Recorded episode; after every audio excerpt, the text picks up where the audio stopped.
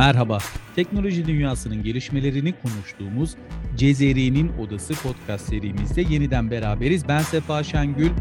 Futbolda televizyon izleyicilerinin tepkilerini ölçmek ve ekran başında seyir zevkini zenginleştirmek amacıyla futbolculara ilk kez vücut kamerası takıldı.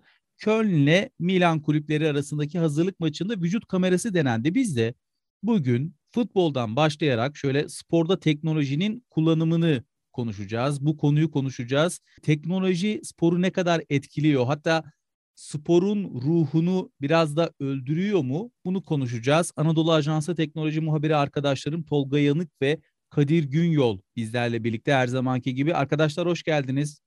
Hoş bulduk Sefa. Hoş bulduk. Evet arkadaşlar şimdi benim futbola olan ilgimi ikiniz de biliyorsunuz. Onun için bu sefer girişi sizlerin de müsaadesiyle ben yapmak istiyorum. Tabii teknoloji uzun yıllardır sporun içinde var zaten.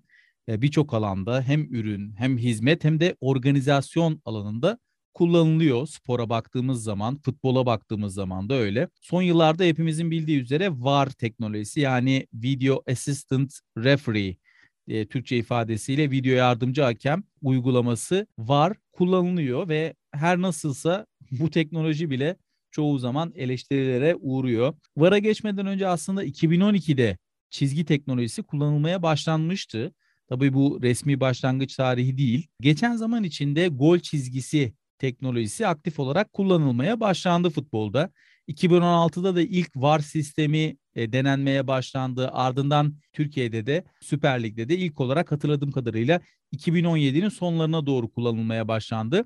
Biraz uzun bekleyişler oluyordu. Hatta hala daha bunlar yaşanıyor. Özellikle karar verme aşamasında. Bununla ilgili şimdi yine FIFA bir adım daha attı ve e, Katar'da Kasım ayında düzenlenecek Dünya Kupası'nda ilk defa yapay zeka sisteminden yararlanılarak offside kararı da bilgisayara bırakılacak. E, bu da muhtemelen eleştirilecektir ama e, şimdi de son olarak girişte de ifade ettiğim gibi futbolculara takılan vücut kamerası. Belki de bu bakış açımızı tamamen değiştirecek futboldaki teknik ve taktik anlayışı bambaşka bir seviyeye getirecek. Bu bizler için de yani medya çalışanları için de yepyeni bir e, sistem olacak. Çünkü spor medyası için de başka bir pencereden bakma, futbolcuların duruşu, karşılayışı, e, topu karşılayışı ve teknik ve taktik açısından bambaşka bir yeniliği getirecek diyebilirim. E, şimdi biraz sözü şuraya getirmek istiyorum aslında. Esasen futbolda teknolojinin kullanımı denilince bunlar çok göz önündeki yenilikler.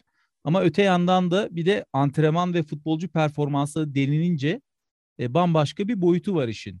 İşte sensörler, veriler, giyilebilir teknoloji gibi birçok şey var. Bu konuyu ben biraz açacağım yine. Sizi de dinlemek istiyorum. Hani spor ve teknoloji deyince genel anlamda bunlar artık biraz böyle sanki ayrılmaz ikili oldu gibi duruyorlar. Siz ne dersiniz bununla alakalı? Güzel bir giriş yaptın Sefa. Çünkü hepimizin bildiği gibi Türk toplumu olarak biz futbolu seven bir milletiz. E, bu konuda spor denilince aklımıza ilk futbol geliyor tabii. E, sen konuşmanda bahsettiğin VAR sistemi tüm dünyada çok yoğun bir şekilde futbolda kullanılıyor. E şöyle bir örnek yani VAR sistemi bazı kesimler tarafından eleştiriliyor. Bazıları bu sistemin e, çok iyi olduğunu savunuyor.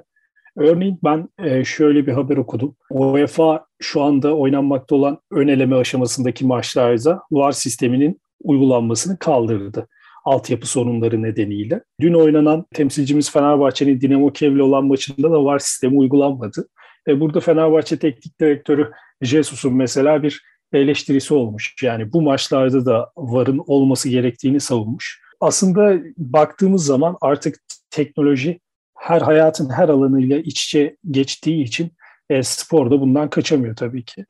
Öte yandan baktığımız zaman bireysel spor branşlarında bu tarz teknolojileri yine çok fazla kullanıldığını görüyoruz. E, mesela Hawkeye yani Şahin gözü teknolojisi teniste uzun bir süredir kullanılıyor. Tenis için tabii çizgiler çok önemli.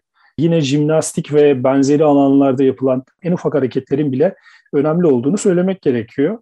E artık bu alanlardaki hakemler hareketleri canlı izlemek yerine ağırlaştırılmış şekilde önlerindeki kameralardan takip ediyorlar. Yine benzer şekilde paralimpik oyunlarda da teknoloji ciddi bir biçimde kullanılıyor. E, basketbol olsun orada biliyorsunuz yani saniyeler hatta saliseleri takip eden cihazlar var. Bunların hepsini değerlendirdiğimizde önümüze çıkan bir tablo var. Ve bu tabloda teknolojinin spora getirdiği katkıyı göz ardı edemeyiz. Tabii ne olursa olsun her şeyin doğal olanı makbuldür derler. E, sporda da bu böyle ama bazı yerlerde yani özellikle rekabetin yüksek olduğu alanlarda saniyelerin bazen milimetrelerin galibi mağlup yaptığı bir ortamda e, emeğe saygı için teknolojinin kullanılması gerektiğini söylemeden geçemeyeceğim. Evet tabii siz çok güzel bilgiler verdiniz. Ben bir somut bir bilgiyle bunu desteklemek isterim özellikle son 10 yılda yaşanan çok büyük gelişmeler oldu spor ve teknoloji alanlarında. Bunlardan herhalde en önemlisi 2008 e, yılında düzenlenen Pekin Olimpiyatlarında gerçekleşti. E, bir kumaş firması bir mayo üretmişti e, Pekin Olimpiyatları için ve bu mayo sürtünmeyi %6 oranında azaltıyordu. Bu mayo sayesinde rekorlardan 23 tanesi yani Pekin Olimpiyatlarında kırılan rekorlardan 23 tanesi yani yaklaşık olarak yüzdeye vurduğumuzda %94 yapıyor bu mayoyu giren e, sporcular tarafından yapılmıştı. Daha sonrasında bu maya yasaklandı çünkü bunun adına teknolojik doping dendi. Yani haksız bir rekabete yol açtığı açıklandı ve bu mayo yasaklanmıştı. Ancak tabii bu teknoloji ve spor ilişkisi orada bitmedi. O süreçten sonra sizin de bahsettiğiniz gibi teknoloji daha yoğun bir biçimde sporun içine girmeye başladı. Özellikle günlük yaşantımıza da baktığımız zaman işte akıllı saatleri düşünelim. Bileklikler, akıllı saatler e, pek çok vücudumuza taktığımız e, teknolojik cihaz aslında bizim e, spor yaşantımızı desteklemek için e, bir katkı sunmayı hedefliyor. Dolayısıyla e, buna daha sonra daha geniş bir biçimde değineceğiz zaten de teknoloji ve spor ilişkisi artarak devam ettiğini söyleyebilirim. Ben o zaman biraz meseleyi bu sporun ruhu konusuna getirmek istiyorum. Fakat yine de bundan önce bir belgesel serisi vardı. Kadir senle konuşmuştuk. Tolga da biliyor. Hatta bu programları yapmadan önce biz genelde hep konuşuyoruz, sohbet ediyoruz. Üzerine ne konuşabiliriz, hangi neyi izleyebiliriz, neyi okuyabiliriz diye. Bunda dinleyicilerimizi bilgilendirmek istiyorum. Çünkü bu Cezer'in odasının her bölümünün öncesinde bir araştırma, bir konuşma, bir şey oluyor yani spontane gelişmiyor sonuçta. E, bununla ilgili de konuşurken bu sporun ruhu konusuyla ilgili dijital bir platformda yer alan bir e, belgesel serisi vardı. Gelecekte diye isimli böyle e, Gelecekte isimli bir seri vardı. E, orada işte gelecekte ilişkiler nasıl olacak, spor nasıl olacak, işte sağlık nasıl olacak Orada spor alanında ne olacak diye bir belgesel var, vardı. Onu da Kadir izledi. Onunla ilgili detay verebilir misin? Orada nasıl bir vizyon çiziyor gelecekte spor alanına, teknoloji anlamında özellikle? Evet aslında çok faydalı bir belgesel. Özellikle sporun geleceğinin nereye evrileceğini anlamamız için. Belgeselde temel olarak iki kısımda inceliyor sporun geleceğini belgesel. Spor bir, dijital ikizler. Geçen hafta da bahsettiğimiz bir konuydu aslında. Sporcuların dijital ikizleri çıkartılıyor. Yani sporcunun günlük alışkanlıkları, yemesi, içmesi, uyku düzeni, kaslarının yapısı bir bilgisayar ekranına aktarılıyor ve burada belirli tahminler ediliyor, yapılıyor sporcu ile ilgili. İkinci kısım ise bu konuyu da aslında daha önce konuşmuştuk. Biraz transhümanizmin konusuna giriyor. Yani sporcuların vücutlarına bağlanan çeşitli cihazlarla sporcuların kapasitelerinin üzerine çıkılması. Bu da ikinci kısımdı. Ben dijital ikizle başlamak isterim önce. Çünkü geçen hafta zaten konuşmuştuk. Çok taze bir konu. Burada işte belgesel süresi boyunca çeşitli bilim adamlarıyla röportajlar yapılıyor. Bu bilim adamları spor ve teknoloji üzerine çalışan bilim adamları. Dijital ikiz projesiyle ilgili bilim adamlarından bazı görüşler alınıyor. Bunlardan bir tanesi e, bu iş üzerine hali hazırda çalışan bir şirket. Bu şirket bir sporcunun uyku düzeni, beslenme alışkanlıkları, antrenman programları ve sporcunun kas yapısı ile ilgili dataları bir bilgisayara depoluyor. Daha sonrasında sporcunun aynı gerçekteki gibi bir dijital ikizi ortaya çıkıyor. Bu dijital ikiz ne işe yarıyor?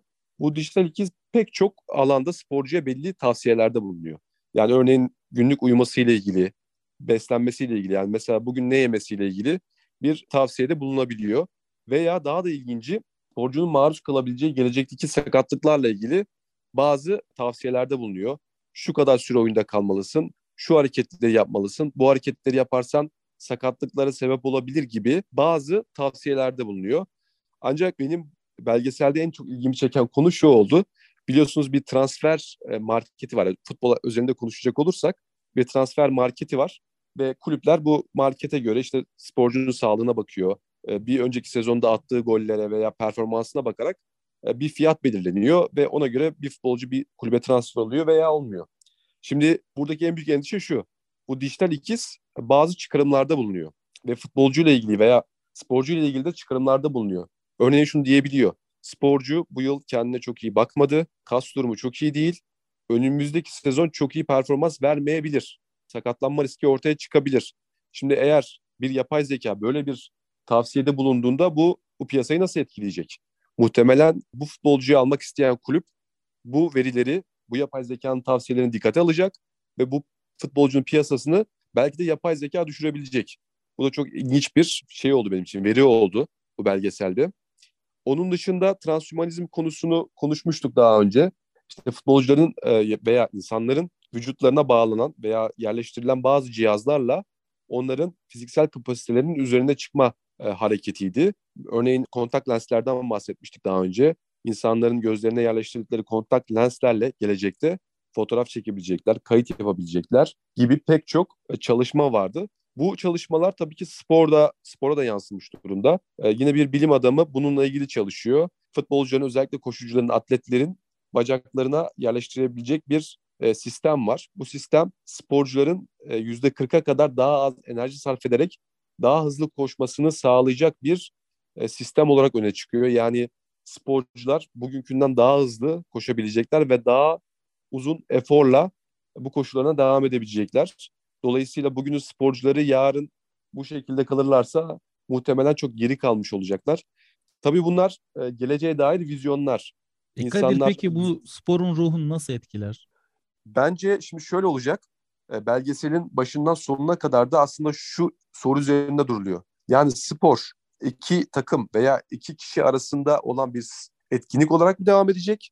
Yoksa yapay zeka mühendislerinin veya alet geliştiren mühendislerin rekabetine mi dönüşecek? Bence bu çok kritik bir soru. Yani eğer evet. spor örneğin benim ve senin aranda geçecek bir rekabetse aslında şu andaki sporun ruhu bu. Sen ve benim aramda bir rekabet yaşanıyor. Dışsal etkenler çok fazla etkili değil. İkimizin e, konsantrasyonu, işte vücudun yapısı vesaire bunlar çok etkin. Ama ileride eğer e, yapay zeka uzmanları ve diğer mühendisler devreye girecekse artık bu senin ve benim aramdaki rekabetten çıkıp daha çok o iki yapay zeka uzmanının rekabetine dönüşecekse sanki burada biraz sporun ruhu da değişecek gibi geliyor bana. Bilmiyorum Tolga, seninle benim aramda kocaman bir fark var diyor şarkıda. Ne diyorsun? Bu fark yapay zekadan mı oluşur yoksa e, rekabette kendini geliştiren iki sporcu arasında mı olur?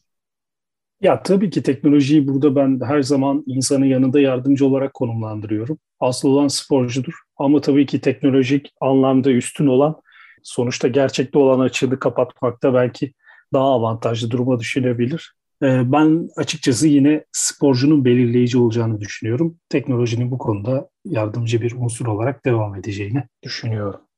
Ya elbette şimdi spor biraz da ruhla yapılıyor bence. Oyuncular da gerekli azmi göstermedikleri zaman negatif sonuçlar alınabilir veya yüksek motivasyonla ekstra işler yapılabilir. Sonuçta işi, işin içine ne kadar teknoloji girerse girsin spor insanların yaptığı ve hataların olduğu bir alan.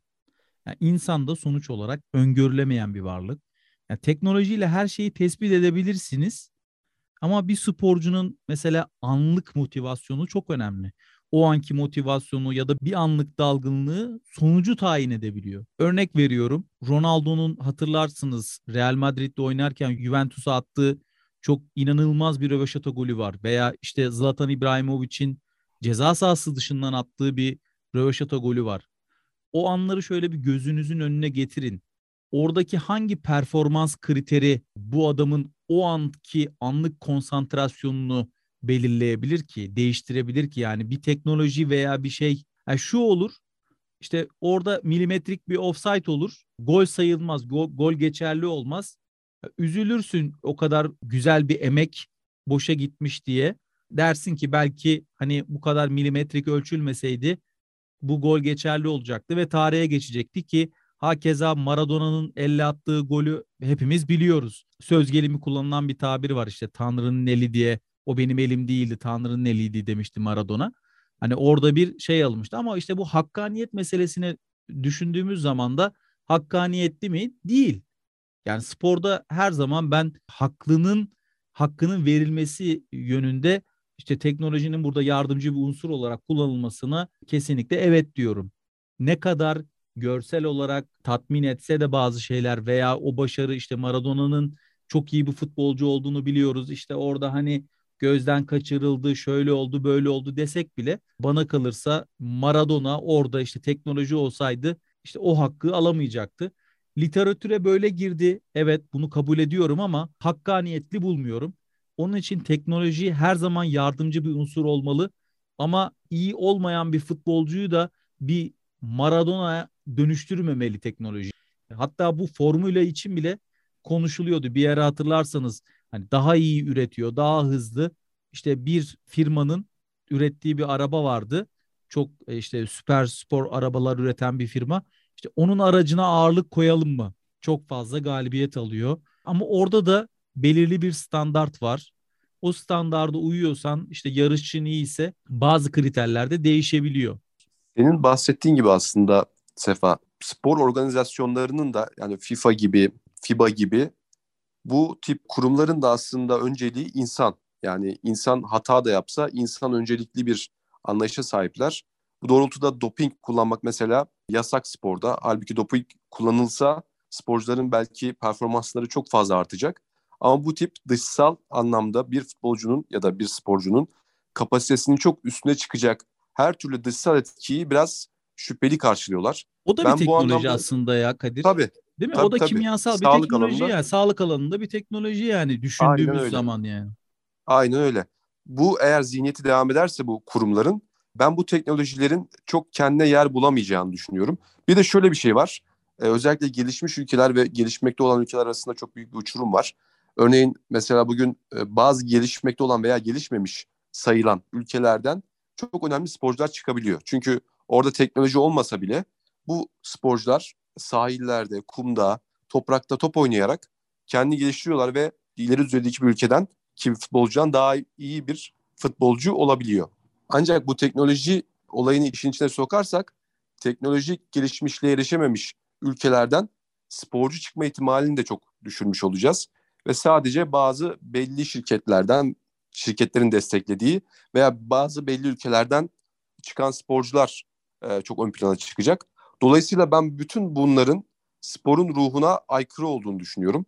E, sizin de belirttiğiniz gibi yardımcı rol evet ama sporun karakterini bozacak. Ana unsur olmamalı. Bozacak. Tabii kesinlikle olmamalı. Olursa iş artık oradan çıkıp sanki başka bir yere doğru gidiyor gibi geliyor bana. Evet ben son olarak şunu eklemek istiyorum. E, teknospor diye bir kavram var. Yani bu e-spor bildiğiniz gibi tamamen elektronik cihazlarla yapılıyor. E-spor olarak nitelendiriliyor ama e, her şey elektronik. E, burada teknospor diye bir kavram var. Teknolojik cihazlarla yapılıyor ama fiziksel güce dayanıyor. E, bununla ilgili mesela Hado diye bir oyun var mesela. Ben bunu haberini yapmıştım zamanında. E, işte Japon arttırılmış gerçeklik oyunu. Belli bir saha düşünün futbol sahası gibi. E, orada çeşitli ekipmanlar size takılıyor ve burada fiziksel olarak bir oyun oynuyorsunuz ama bu dijital üzerine yansıyor. Yani adeta sanal ikiziniz e, dijital sistemde oynuyor ama orada çok ciddi bir efor sarf ediyorsunuz. İşte bunun yanı sıra çeşitli fuarlarda karşılaştığım mesela bu e, kürek çekme sporu vardır. Onun dijital anlamda işte karşınızda bir ekran var fakat siz fiziksel olarak orada kürek çekiyorsunuz. E, bu teknosporlar da çok ilginç. Yani teknolojiyi e, fiziksel anlamdaki aktivitelerle karmalayarak işte harmanlayarak e, burada bence güzel bir alternatif sunuyor. E, bunu da söylemiş olalım. Ya e-sporda bahsettiğiniz gibi bir aslında teknolojiyle oyunun, sporun buluştuğu en önemli nokta e-spor şu anda dünyada görünen. Ama orada da şöyle bir şey var. Az önce senin bahsettiğin gibi. Burada da bireysel performanslar çok önemli. Yani herhangi bir kişiyi ön plana çıkartacak bir teknoloji değil orada. Ortak bir platform var, bir teknoloji var. O teknolojinin içerisinde insanlar kişisel yeteneklerini sergiliyorlar. Dolayısıyla burada da yine kişisel yetenek ve insan unsuru çok ön planda. Sadece burada kullanılan e, normal mesela bir futbol arenasında kullanılan e, çevremiz e, yani üzerine bastığımız yer gerçek bir zeminken burada üzerine bastığımız zemin bir sanal zemin. Ancak yine yetenek gösterme e, durumu ön plana çıkıyor. Dolayısıyla ben orada da bir şey görmüyorum. E-sporda ben bir spor olarak görüyorum bu arada. Çünkü orada da bireysel performanslar çok ön plana çıkıyor. Ya şöyle diyebiliriz o zaman. Sporun ruhunu anlamak için eşitliğe değil adalete önem vermemiz lazım. Bunu ne için söylüyorum? Futbol 11'e 11 oynanan bir şey. Sonuçta mesela Real Madrid'le Şerif Tiraspol diye bir takım karşı karşıya geldi. Bu yanlış hatırlamıyorsam geçen sene Şampiyonlar Ligi'nde işte Şerif Tiraspol e, Şampiyonlar Ligi şampiyonu olan işte kadrosu çok güçlü olan çok iyi futbolculardan oluşan e, çok büyük bir bütçeyle yönetilen Real Madrid'i 2-1 yendi. Şimdi burada bir şey var. Baktığınız zaman bir eşitsizlik durumu var. Niye? Çünkü daha iyi tesisler, daha iyi futbolcular işte kadronuza katıyorsunuz. Daha iyi teknik taktik analiz yapılabilen teknolojik imkanlarla donatılmış işte antrenman tesisleri, antrenman cihazları, ekipmanlar, şunlar bunlar. Ama onları yan yana koyduğunuz zaman da sonuç olarak diyorsunuz ki sahaya çıktığımızda 11'e 11 oynuyoruz. Hakem adil olduktan sonra işte futbol adil bir şekilde oynandıktan sonra daha güçsüz olarak görünen bir takımın çok güçlü olarak görünen bir takımı yenme şansı her zaman oluyor. İşte bu sporun Kesinlikle zaten diğer... futbola güzelliğini veren de bu zaten. Spora, futbola. Yani karşılaşmaları işte bu yine basketbolda da aynı, işte bireysel sporlarda da aynı. İşte örnek veriyorum yine tenis demiştik. Tenisten bahsedelim. Teniste de en alt şeyden başlayıp en üste çıkma şansı her zaman var. Sonuçta bir kişiyle oynuyorsunuz. İyi performans gösterirseniz finale kadar gidersiniz. Şampiyon olursunuz. Kupayı alırsınız. Yani burada böyle bir durum var. Sporun ruhu bence e, özellikle adaletten geçiyor. Adil olduktan sonra teknolojik imkanları düzgün bir şekilde kullandıktan sonra olabildiğince eşit bir şekilde kullandıktan sonra sporun içinde teknolojinin olması bence ruhunu çok fazla öldürmez. Ama şunu da kesinlikle es geçmiyorum. E, teknoloji bir anlamda avantaj sağlıyor. Yani o verilerden alınan istatistikler birçok şeyi gösterir. Ama sizi sonuca ulaştıran şey her zaman tabii ki konsantrasyonunuz, performansınız olacak.